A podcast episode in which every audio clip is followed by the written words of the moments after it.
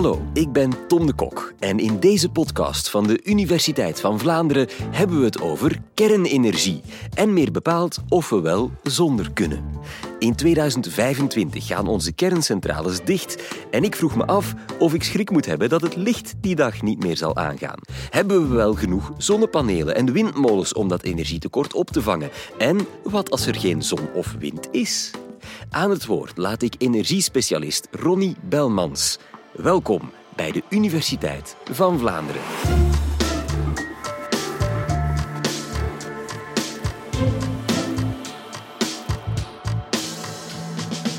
Ik ga je vandaag vertellen en proberen een antwoord te geven op de vraag: gaat het licht uit als de kerncentrales gesloten worden? En het antwoord daarop is nee. En dan zult u onmiddellijk waarschijnlijk vragen van kernenergie is toch CO2-neutraal? Gaat dat dan geen aanleiding geven tot een boom van CO2, waardoor dat we nooit onze klimaatdoelstellingen kunnen halen? En eerlijk gezegd, dit heeft met elkaar niks te maken. De klimaatdoelstellingen kunnen gehaald worden en die inspanningen zijn zeer groot, maar de kernenergie daarin vormt maar een heel minuscuul stukje. Het sluiten van de kerncentrales, waarom is dat een degelijke stap, een goede stap en een uitvoerbare stap? De huidige kerncentrales zijn verouderd. Ze vragen veel tijd en veel geld om die gaan te vernieuwen. En zoals we allemaal weten, als iets ouder wordt, wordt dat onbetrouwbaarder. Om u een idee te geven, in 1975 zijn de eerste commerciële kerncentrales in België gebouwd. Dus wat er ook gebeuren, er zijn ofwel veel kosten aan, ofwel moeten we er nieuwe bouwen. In 2003 heeft de toenmalige regering Verhofstadt beslist dat er een kernuitstap zou komen. Op dat ogenblik was dat een enorme uitdaging, want wind en zon zoals we die nu kennen, waren commercieel nog niet voorhanden. Dat was een long shot. Dat was niet iets wat kon op dat ogenblik. Met de technologie die er toen was, kon dat niet. We zijn nu bijna twintig jaar verder. Dus kunnen we het nu? Kom ik straks op terug, ja. Maar de wet op zichzelf is al bijna twintig jaar oud. En wat zeer pijnlijk is om te zien, is dat de politici in die twintig jaar er eigenlijk niks aan gedaan hebben om die overgang mogelijk te maken. En nu zitten we met een sluitingsperspectief dat in 2022 er twee van de zeven dichtgaan. En dat in 2025 de overige vijf dichtgaan. En waarom zijn er vijf in 2025? Of dat men in 2015 gezegd heeft. Toen moesten de eerste drie gesloten worden. Men heeft gezegd, nee, we gaan nog tien jaar uitstellen. En zo komt alles op drie, vier jaar tijd samengepakt, wat de eerste wetgever voorzien had om uit te spreiden over een periode van tien jaar. Dus dit is de politieke besluitloosheid die dat bij zich gebracht heeft. Gaan we in 2020 verder? De regering heeft beslist van wel. In 2022, 2023, de eerste twee, die gaan zeker toe. Dat zijn de zogenaamde scheurtjesreactoren. Daar gaat geen enkele politicus zijn hand voor in het vuur steken om die langer open te houden. En dan in 2025 gaan doel 4 en Tihange 3 dicht. En om u te zeggen, de anomalie te gaan uitleggen van alle politieke beslissingen die gebeurd zijn, de laatste die volgens de politiek en volgens de wetgeving nu dichtgaan, zijn de oudste. Zover hebben ze het gekregen met een uitstel dat de oudste krakken, doel 1, doel 2 en Tiange 1, nu als laatste gaan dichtgaan.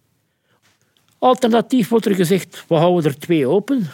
Kan dat? Ja. Dan spreekt men over doel 4 en Tiange 3, voor degenen die naar televisie kijken, naar uh, Blackout, de serie die op VRT bezig is, dat is, uh, weet ze nu weer, Wester, Westerveld, denk ik. Dat is eigenlijk doel 4. Wat u daar ziet is ook de binnenkant van doel 4. Dan hebt u een gevoel van wat dat uitziet. En als we die willen openhouden, ja, dan gaat dat geld kosten. Men moet toch altijd rekenen, als men die 10 of 20 jaar langer wilt openhouden, dat dat ook ongeveer 1,4 miljard, 1,5 miljard euro kost. De vraag is, is dat de moeite waard om dat nog tien jaar open te houden? Of bijten we nu misschien met een iets meer investering ineens de zure appel door dat we doorgaan? Niet aan mij om erover te beslissen, maar dat is een politieke beslissing. Kan het? Ja. Kost het geld? Ja. Is het een beslissing die voor altijd goed is? Nee. Het is altijd een keuze. De twee kunnen, openhouden of niet. De politiek moet beslissen. De kostprijs voor de gemeenschap is quasi hetzelfde. 100 miljoen, je kunt zeggen dat is veel geld, maar 100 miljoen ten opzichte van die 1,4 miljard of ten opzichte van alle investeringen die er toch moeten gebeuren in wind en zon en gas, is eigenlijk quote-unquote verwaarloosbaar. We kunnen ze langer open houden, maar dat kost ook geld, dus niks is zomaar vrij.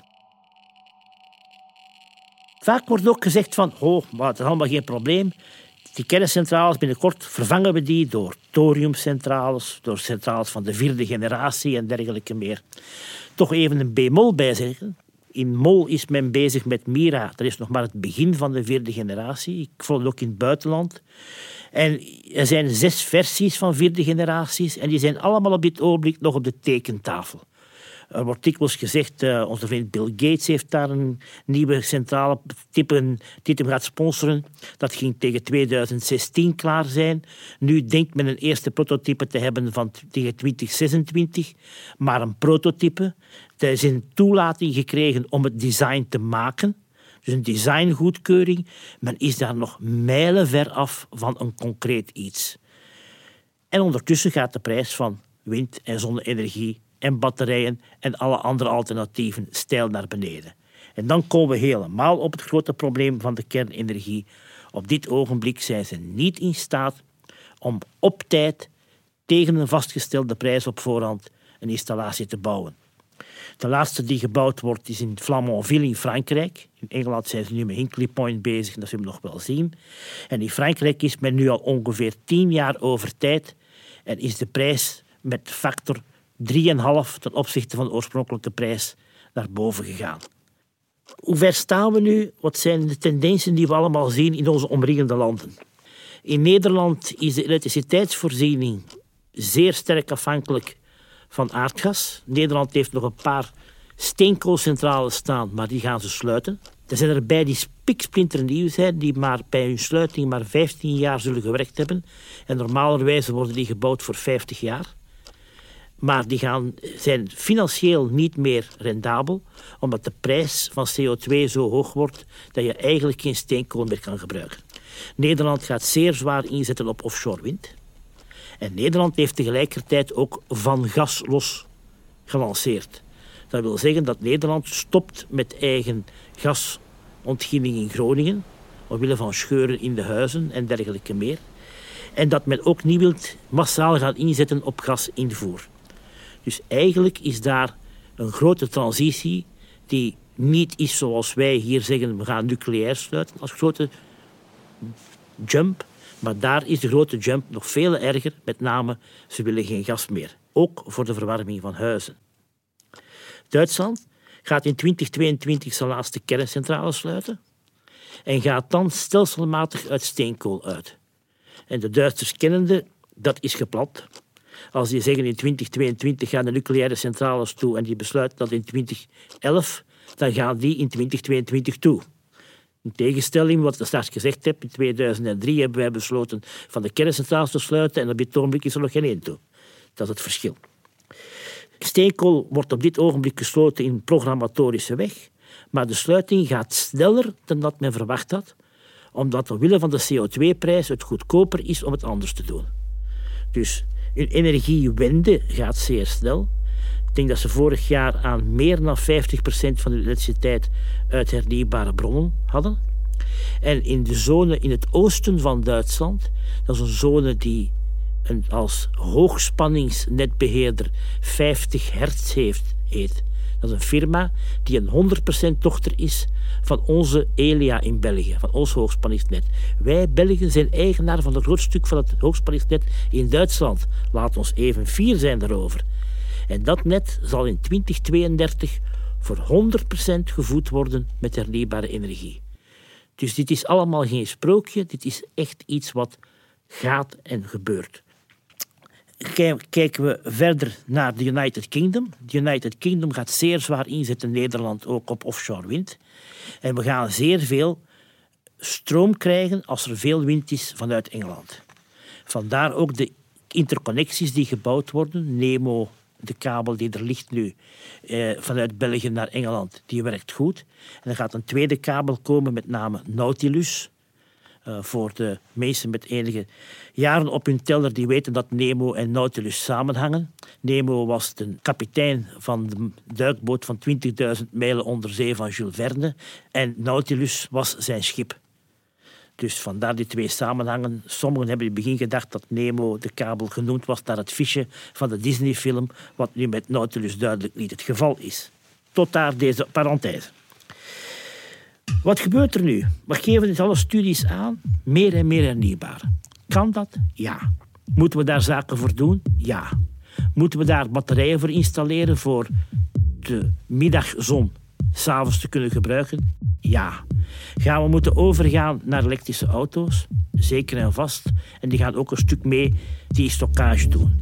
Dat gaat niet genoeg zijn, zeker de eerste tijd niet. En vandaar dat we als backup, als opvulling, gascentrales gaan nodig hebben de volgende tien jaar. Is dat erg? Nee. Want die gascentrales die gaan we ook daarna nog nodig hebben. Gaan niet meer werken op aardgas. Maar in 2040, als we naar 100% stilaan hernieuwbare energie gaan tegen 2050, dan moeten we mogelijkheid hebben om wat energie voor lange tijd opzij te kunnen zetten. En dan kan je met elektriciteit vanuit water waterstof maken. Die waterstof gaan combineren met CO2 door er energie in te steken. En bijvoorbeeld methaan maken, dat is hetzelfde als aardgas chemisch gezien. Of methanol, alcohol. En daarmee gaan vliegen en daarmee gaan rijden en daarmee een stukje opzij zetten voor als er een dag of twee dagen of drie dagen geen wind is. Dus we gaan wat wij noemen molecules, synthetische brandstoffen gaan maken vanuit elektriciteit. En om die terug om te zetten naar elektriciteit, heb je die centrales nodig die nu op aardgas werken, die dan gaan als brandstof die synthetische brandstof gebruiken. Dat is energetisch natuurlijk niet goed, maar je hebt dat wel nodig. Dus qua, je hebt veel meer energie-input nodig, veel meer wind en zon nodig om dat te doen op die manier. Maar ja, als er geen wind en zon is, heb je iets achter de hand nodig. Dat zal misschien voor 100 of 200 uur per jaar nog zijn, maar je hebt die nodig. Zijn die gascentrales voor de volgende jaren vervuilend? Dat valt wel mee. Eerst en vooral als je top of de bill gascentrales zet, dan hebben die toch 20 tot 25 procent minder verbruik dan de vorige generatie. En ten tweede, in Europa zit het geheel van een uitstoot van CO2 in een bubbel. Dat betekent een bubbel heeft een vaste grootte. Dus als we hier wat meer CO2 uitstoten omwille van die gascentrales in België, zal er elders in Europa een beperking zijn voor een oude kolencentrale die dan toe zal gaan. Een heel mooi voorbeeld waar men blijkbaar de politiek toch ook met eh, twee maten en twee gewichten werkt. Als men kijkt naar Antwerpen, dan zegt men de Ineos-fabriek voor chemie kan geen kwaadje CO2 ervan, want dat zit in de Europese bubbel. Als je zegt een nieuwe gascentrale, dat kan geen kwaad, dan zeggen de politici, nee, nee, dat geeft CO2. Nee, dat zit in diezelfde bubbel. CO2 is een Europees probleem. En het mag ook eens gezegd worden, de man die dat uitgedacht heeft, is een schitterende denker, en is een Vlaming, is een Belg, is Jos Delbeke. Een man die veel te weinig geapprecieerd wordt om daar uh, dit systeem uit te denken dat wereldwijd in verschillende vormen in Californië enzovoort ook toegepast wordt. Dan gaan we dan verder. De rest van de CO2, wat moet daarmee gebeuren? Daar gaan we ook die CO2 gaan beperken. En we gaan die eigenlijk zeer snel gaan inbrengen in het elektriciteitssysteem. Vervoer verbruikt ongeveer een derde van de energie. Allemaal petroleum, allemaal CO2 zit niet in de Europese bubbel. We moeten naar 55% CO2-reductie. Nu, onderstel dat we elektrisch gaan rijden.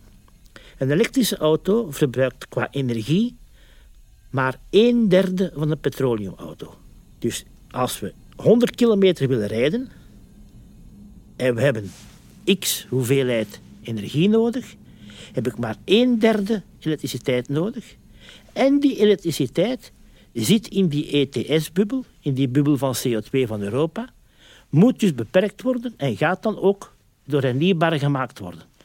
Dus enerzijds heb ik een energieefficiëntie de factor 3 beter en anderzijds heb ik een heel gemakkelijke manier om te gaan vergroenen. Hetzelfde geldt eigenlijk voor warmtepompen en voor huisverwarming. Een huisverwarming met een warmtepomp is een factor, een fatsoenlijk geïsoleerd huis, een factor 5 à 6 minder dan bij aardgas en heel gemakkelijk te vergroenen. Dus je kunt dat heel gemakkelijk doen met veel minder elektriciteit dan dat je nu aan aardgas of petroleum nodig hebt om hetzelfde energiecomfort te hebben, zijn de kilometers te rijden, zijn de temperatuur bij je thuis. Weer investeringen nodig. Dus eigenlijk kan het. Maar het zal zeer veel investeringen vragen en ook zeer veel werk. Als we wat geld kunnen investeren dat de meesten op je spaarboekje staan hebben, om te investeren niet in die klimaatverbetering, maar in die comfortverbetering. Een elektrische auto is veel plezanter om mee te rijden. Een elektrische auto is veel plezanter om voorbij te laten komen als je op een terras zit. En een verwarming op basis van een warmtepomp, als je gaat wandelen, geeft geen fijnstof, geeft geen NOx, geeft geen lokale vervuiling. En als we tegelijkertijd kunnen het comfort van de mensen verbeteren, de energieefficiëntie van verbeteren en het klimaat als secundair effect oplossen, dan krijgen we de mensen mee. Dus het is niet een hel- en verdoemenisverhaal.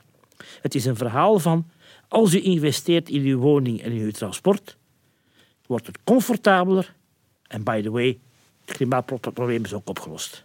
Is het allemaal positief en zonder problemen? Ik gebruik voor mijn studenten dikwijls de wet van behoud van de lende. Nee, dus, er moet een, een achterkant aan die medaille zijn. En laten we eerlijk zijn, we gaan moeten windturbines installeren. Een minimum om er te geraken aan een Green Deal zijn verschillende honderden per jaar. Maar als we het meeste willen halen wat we op dit ogenblik voorgeschreven krijgen, is het al minstens een 80 à 100 windturbines op land per jaar in België. We moeten de hoeveelheid windturbines op zee verdubbelen. Dus we hebben daar enorm veel te investeren. Als we kijken, ik denk dat we als we een minimum willen doen aan zonne-energie, dat we toch ongeveer een 4 à 5 miljoen zonnepanelen per jaar per jaar zullen moeten zetten. Nu, ik weet dat u beseft, maar om 5 miljoen zonnepanelen op daken gelegd te krijgen, hebt u wel wat handjes nodig. Dus we gaan heel veel mensen moeten opleiden, heel veel mensen moeten leren daarmee werken. Dakwerkers gaan omscholen tot elektriciëns. Elektriciëns laten samenwerken met dakwerkers. We gaan mensen moeten leren warmtepompen installeren. Dat is een koeltechniek, dat is geen chauffageketel meer. Er gaat dus een enorme hoeveelheid werkgelegenheid komen, maar degenen die het kunnen, zijn er nog niet. Dus we moeten oppassen dat we de meesten op tijd hertrainen, zodanig dat ze bij die technici hebben. Want anders gaat die energietransitie stoppen bij gebrek aan handjes. aan de andere kant, een ander groot probleem, bepaalde beroepen gaan verdwijnen. Als we meer en meer overgaan naar elektrische voertuigen, het onderhoud van een elektrisch voertuig is nul. Ik heb mijn vorige elektrische auto, de eerste wat ik mee gereden heb, had 130.000 kilometer, is drie keer in de garage geweest en ze hebben nooit gezegd wat ze eraan gedaan hebben, want waarschijnlijk buiten poetsen niks. Dus er is daar niks aan dat verslijt. Er moet geen olie ververst worden. Er, de software die wordt via het internet opgeladen. Dus dit is een tak van de economie die zeer zwaar onder druk gaat komen. Ik heb juist gezegd, dat is een andere tak van de economie waar enorm veel werk gaat inkomen. Dus daar moet de overheid mensen duidelijk maken. Iemand die de handen heeft, de kennis heeft om aan een benzinemotor te werken, die kunt je omvormen tot iemand die een warmtepomp installeert. Dus de energiebronnen is een belangrijk stuk van het geheel. Petroleumboeren die zullen wat problemen krijgen. De aardgasboeren zullen wat problemen krijgen. Dit geeft ook heel wat veranderingen voor de industrie hier. Installaties zoals raffinage en Antwerpse haven. Als we in 2050 elektrisch rijden of met synthetische fuels. Wat gaan we daarmee doen? Wat het juiste gaat zijn, ben ik een een bolle stuk. Maar evidenties die er nu zijn, vergeet ze. Al wat er elektriciteit is, gaat veel meer zijn. Elektriciteit gaat niet alleen zijn voor wat het nu bij u thuis is, maar ook voor de verwarming bij u thuis. En ook voor het rijden met een auto. Dus dat betekent dat het elektriciteitsverbruik gaat toenemen. Je moet ongeveer rekenen dat als iedereen elektrisch zou rijden met een auto, dat het huisverbruik verdubbelt per elektrische auto. Dat is niet dramatisch, want het elektriciteitsverbruik van de woningen is maar een kwart van het globale elektriciteitsverbruik. We gaan moeten zorgen dat die netten er zijn, dat die aansluitingen er zijn en dat niet iedereen op hetzelfde ogenblik zijn auto gaat opladen. Maar dat moeten we met ICT, dat moeten we met degelijke sturing van het geheel perfect aankunnen waarbij u thuis komt, u steekt dat ding in stopcontact, maar als u s morgens vertrekt, moet dat geladen zijn. En dat dat nu onmiddellijk geladen wordt, ja of nee, dat kan u niet schelen. Met Energyville doen we dat heel simpel. U komt s morgens op het werk aan, u plugt uw auto in. Dat systeem kent uw kalender. En als jij om vijf uur zegt dat je rijdt, is die batterij vol. En zeg jij nee, ik moet om twaalf uur al voort naar een andere plaats, dan is die batterij ook vol. Dus elektriciteit is nu 20% van de energievoorziening. Dat gaat naar minstens naar 50% gaan, misschien 70%, misschien nog meer. En dan is dat ganse verhaal van die kerncentrales, waar ik in het begin over gehad heb, duidelijk. Dat is eigenlijk een rimpeltje. Het energieverhaal is Europees en beyond Europees. Want als we dan die synthetische brandstoffen moeten maken, neem voor te vliegen. Vliegen en elektrisch, dat wordt lastig.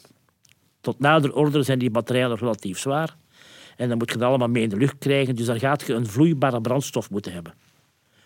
Ik maak met elektriciteit waterstof. Ik combineer dat met CO2 en ik krijg methanol. Chemie is niet mijn vakgebied, maar dat is wel te doen. Als je die mannen voldoende energie hebt, die maken alles.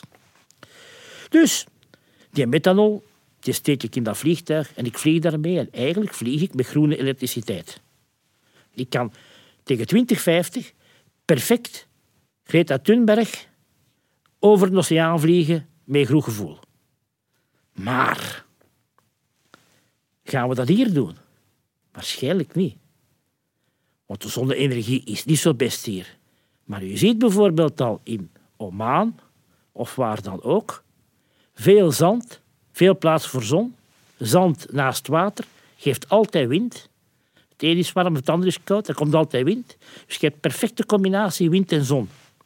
Dus ik ga daar die waterstof maken, daar die combineren met CO2, die methaan of die methanol per schip naar hier brengen. En in plaats van raffinaderijen te hebben hier, ga ik die chemie laten draaien op die verschillende moleculen die vandaar komen, ammoniak en dergelijke meer. Misschien te geven op wijzen dat al bepaalde firma's hier, zoals een DME, daar al mee bezig zijn en al concessies gekocht hebben in Oman.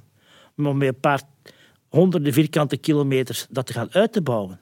Dus ja, onze vrienden Arabieren gaan geen patronen meer uitvoeren. Maar er zijn heel veel plaatsen in de wereld waar je heel goedkoop, goedkoper dan dat aardgas nu kost, op termijn elektriciteit kunt maken en die fuels naar hier brengen. Een van de landen waar dat heel goed gaat, is Marokko. En de Duitsers hebben nu al een overeenkomst met de Marokkanen. Wat hebben wij al? Nee, we hebben nog geen stappen gezet. De vraag die ook dikwijls gesteld wordt dan, is, worden we niet te veel afhankelijk van het buitenland? Nee, op dit ogenblik is er al heel veel interactie met het buitenland. En als ik ook kijk naar het gebeuren voor offshore wind, waar we dus meer en meer windturbines gaan zetten in zee. De Belgische kust zal tegen het einde van dit decennium volstaan. Dus men gaat de Noordzee, de Doggerbank, tussen Schotland, Engeland, Noorwegen, Denemarken, Duitsland, uh, Nederland. Men gaat die volzetten. Ja, is dat buitenland of is dat de Noordzee? Dat is eigenlijk een filosofische vraag. Ja, op dit ogenblik zijn we ook qua energievoorziening volledig afhankelijk van het buitenland. Het heet petroleum, het heet aardgas, het zal dan elektriciteit heten. Dus we gaan in Antwerpen, in die haven, schepen met ammoniak zien toekomen. Schepen, of in Zeebrugge, schepen met meta methaan, met methanol. Verschillende uh, e-fuel diesel, kerosene die gemaakt wordt. Maar heel zuivere producten en niet meer moeten raffineren hier. Dus die industrie ziet er totaal anders uit. De energietransitie gaat ook veel meer korte keten zijn. PV wint bij u thuis voor het lokaal, niet industrieel meer, maar even lokaal. Dus je gaat heel veel lokaal met die energie gaan spelen en met lokaal gaan samenwerken. En natuurlijk, energieopslag wordt zeer belangrijk. Batterijen op wijkniveau. Batterijen is een techniek die op korte tijd zeer veel kan opslaan. Ik heb het juist al gehad over die e-fuels. Maar die batterijen gaan extreem veel mogelijk maken. En daar zijn enorme ontwikkelingen die nog op ons afkomen. Als ik kijk naar de snelheid van kostenvermindering van batterijen op dit ogenblik, die is even snel als we die gezien hebben voor zonnecellen. Zonnecellen gaat nog verder. En op dit ogenblik is de zonne-energie die men verkoopt, waar men dus installaties voor zet, op een niveau gekomen dat de energie die daaruit komt nu al goedkoper is dan deze van aardgas. Waterstof hebben we het over gehad als, basis, als basiselement. Waterstof wordt dikwijls als de oplossing voor alles. Waterstof is een oplossing. Eigenlijk een enorm belangrijk product. Een tussenstap. Een tussenstap voor die e-fuels, voor die methanol, voor de methaan, voor die e-diesel, voor die kerosine op basis van dat. Combinatie waterstof, CO2 en daar van alles heb je mee maken. Waterstof zelf gebruiken zal heel weinig zijn. Je gaat geen waterstofauto's krijgen. Je gaat geen waterstof gebruiken om bij je thuis te verwarmen. Nee, waterstof is een tussenproduct. Enorm veel nodig, maar niet als eindproduct. Wel gaat het gebruikt worden natuurlijk als basisgrondstof in de industrie. En ook heel belangrijk, en misschien hoort je dat niet graag, maar we gaan meer hoogspanningsleidingen moeten leggen. Hoogspanningsleidingen om offshore wind van Doggerbank, van zaken diep in de Noordzee naar hier te brengen. Hoogspanningsleidingen om vanuit het zuiden stroom naar hier te brengen van zonne-energie. We gaan dat meer en meer kunnen bekabelen. Dat gaat veel brengen. Maar weet dat dat ook een enorm belangrijk iets gaat zijn. En daar toch is het toch belangrijk om te zeggen dat daar België extreem goed geplaatst is. Met een heel goed uitgebouwd hoogspanningsnet. Uh, en dat het op dat vlak dat we daar een voortrekkersrol hebben. U zult natuurlijk zeggen, je hebt goed te praten, je hebt u een brief aan Sint-Niklaas geschreven, maar Sint-Niklaas moet zijn rekening ook nog betaald krijgen ooit. Uh, wordt het niet duurder? Eigenlijk wordt de prijs geen issue meer. We moeten er rekening mee houden, als we die CO2-prijzen gaan zien, we moeten die CO2 verminderen, die CO2-prijs gaat enorm hoog zijn. Dus het is goedkoper om het te doen op basis van hernieuwbare, zoals we nu de prijzen zien evolueren, dan proberen die CO2 te gaan wegdoen van klassieke brandstoffen.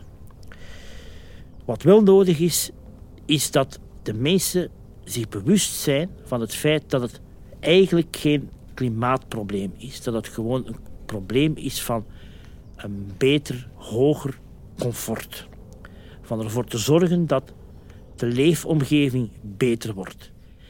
En we moeten vooral vragen aan de politici dat ze dat kader consistent houden.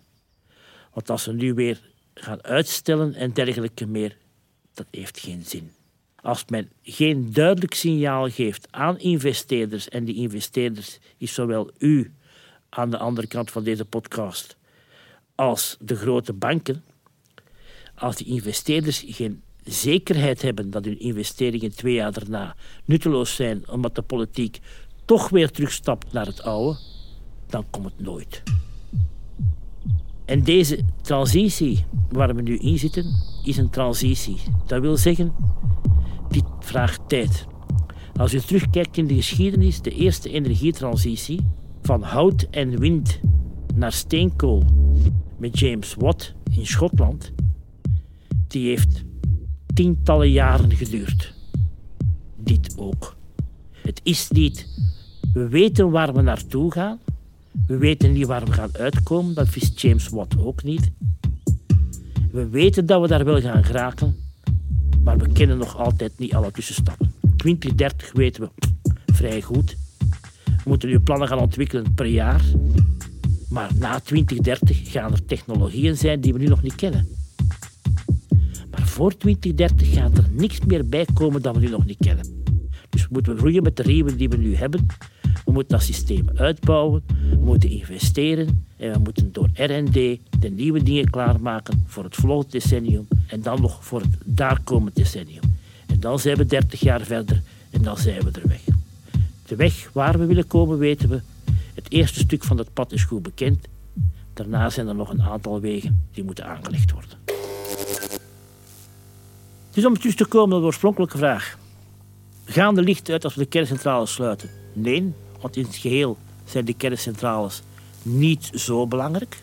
En vooral, we moeten de weg goed uittekenen om in een comfortabele, zeer betrouwbare, fijne leefwereld te komen, waarbij de lokale problemen opgelost worden, waarbij je je goed voelt lokaal en tegelijkertijd het klimaat ook een oplossing krijgt. Zo, nu zijn we enigszins gerustgesteld en ook benieuwd naar wat de toekomst zal brengen op het vlak van energie. En misschien een kleine oproep aan onze politici, dames en heren, maak er alvast werk van. En last but not least ook een oproep aan jou daar, trouwe luisteraar. Stuur je wetenschapsvraag gerust door naar info.universiteitvanvlaanderen.be. En wie weet beantwoordt een gerenommeerde wetenschapper binnenkort jouw vraagstuk. Neem ook een abonnement op dit kanaal en mis geen enkele aflevering. Graag tot volgende keer.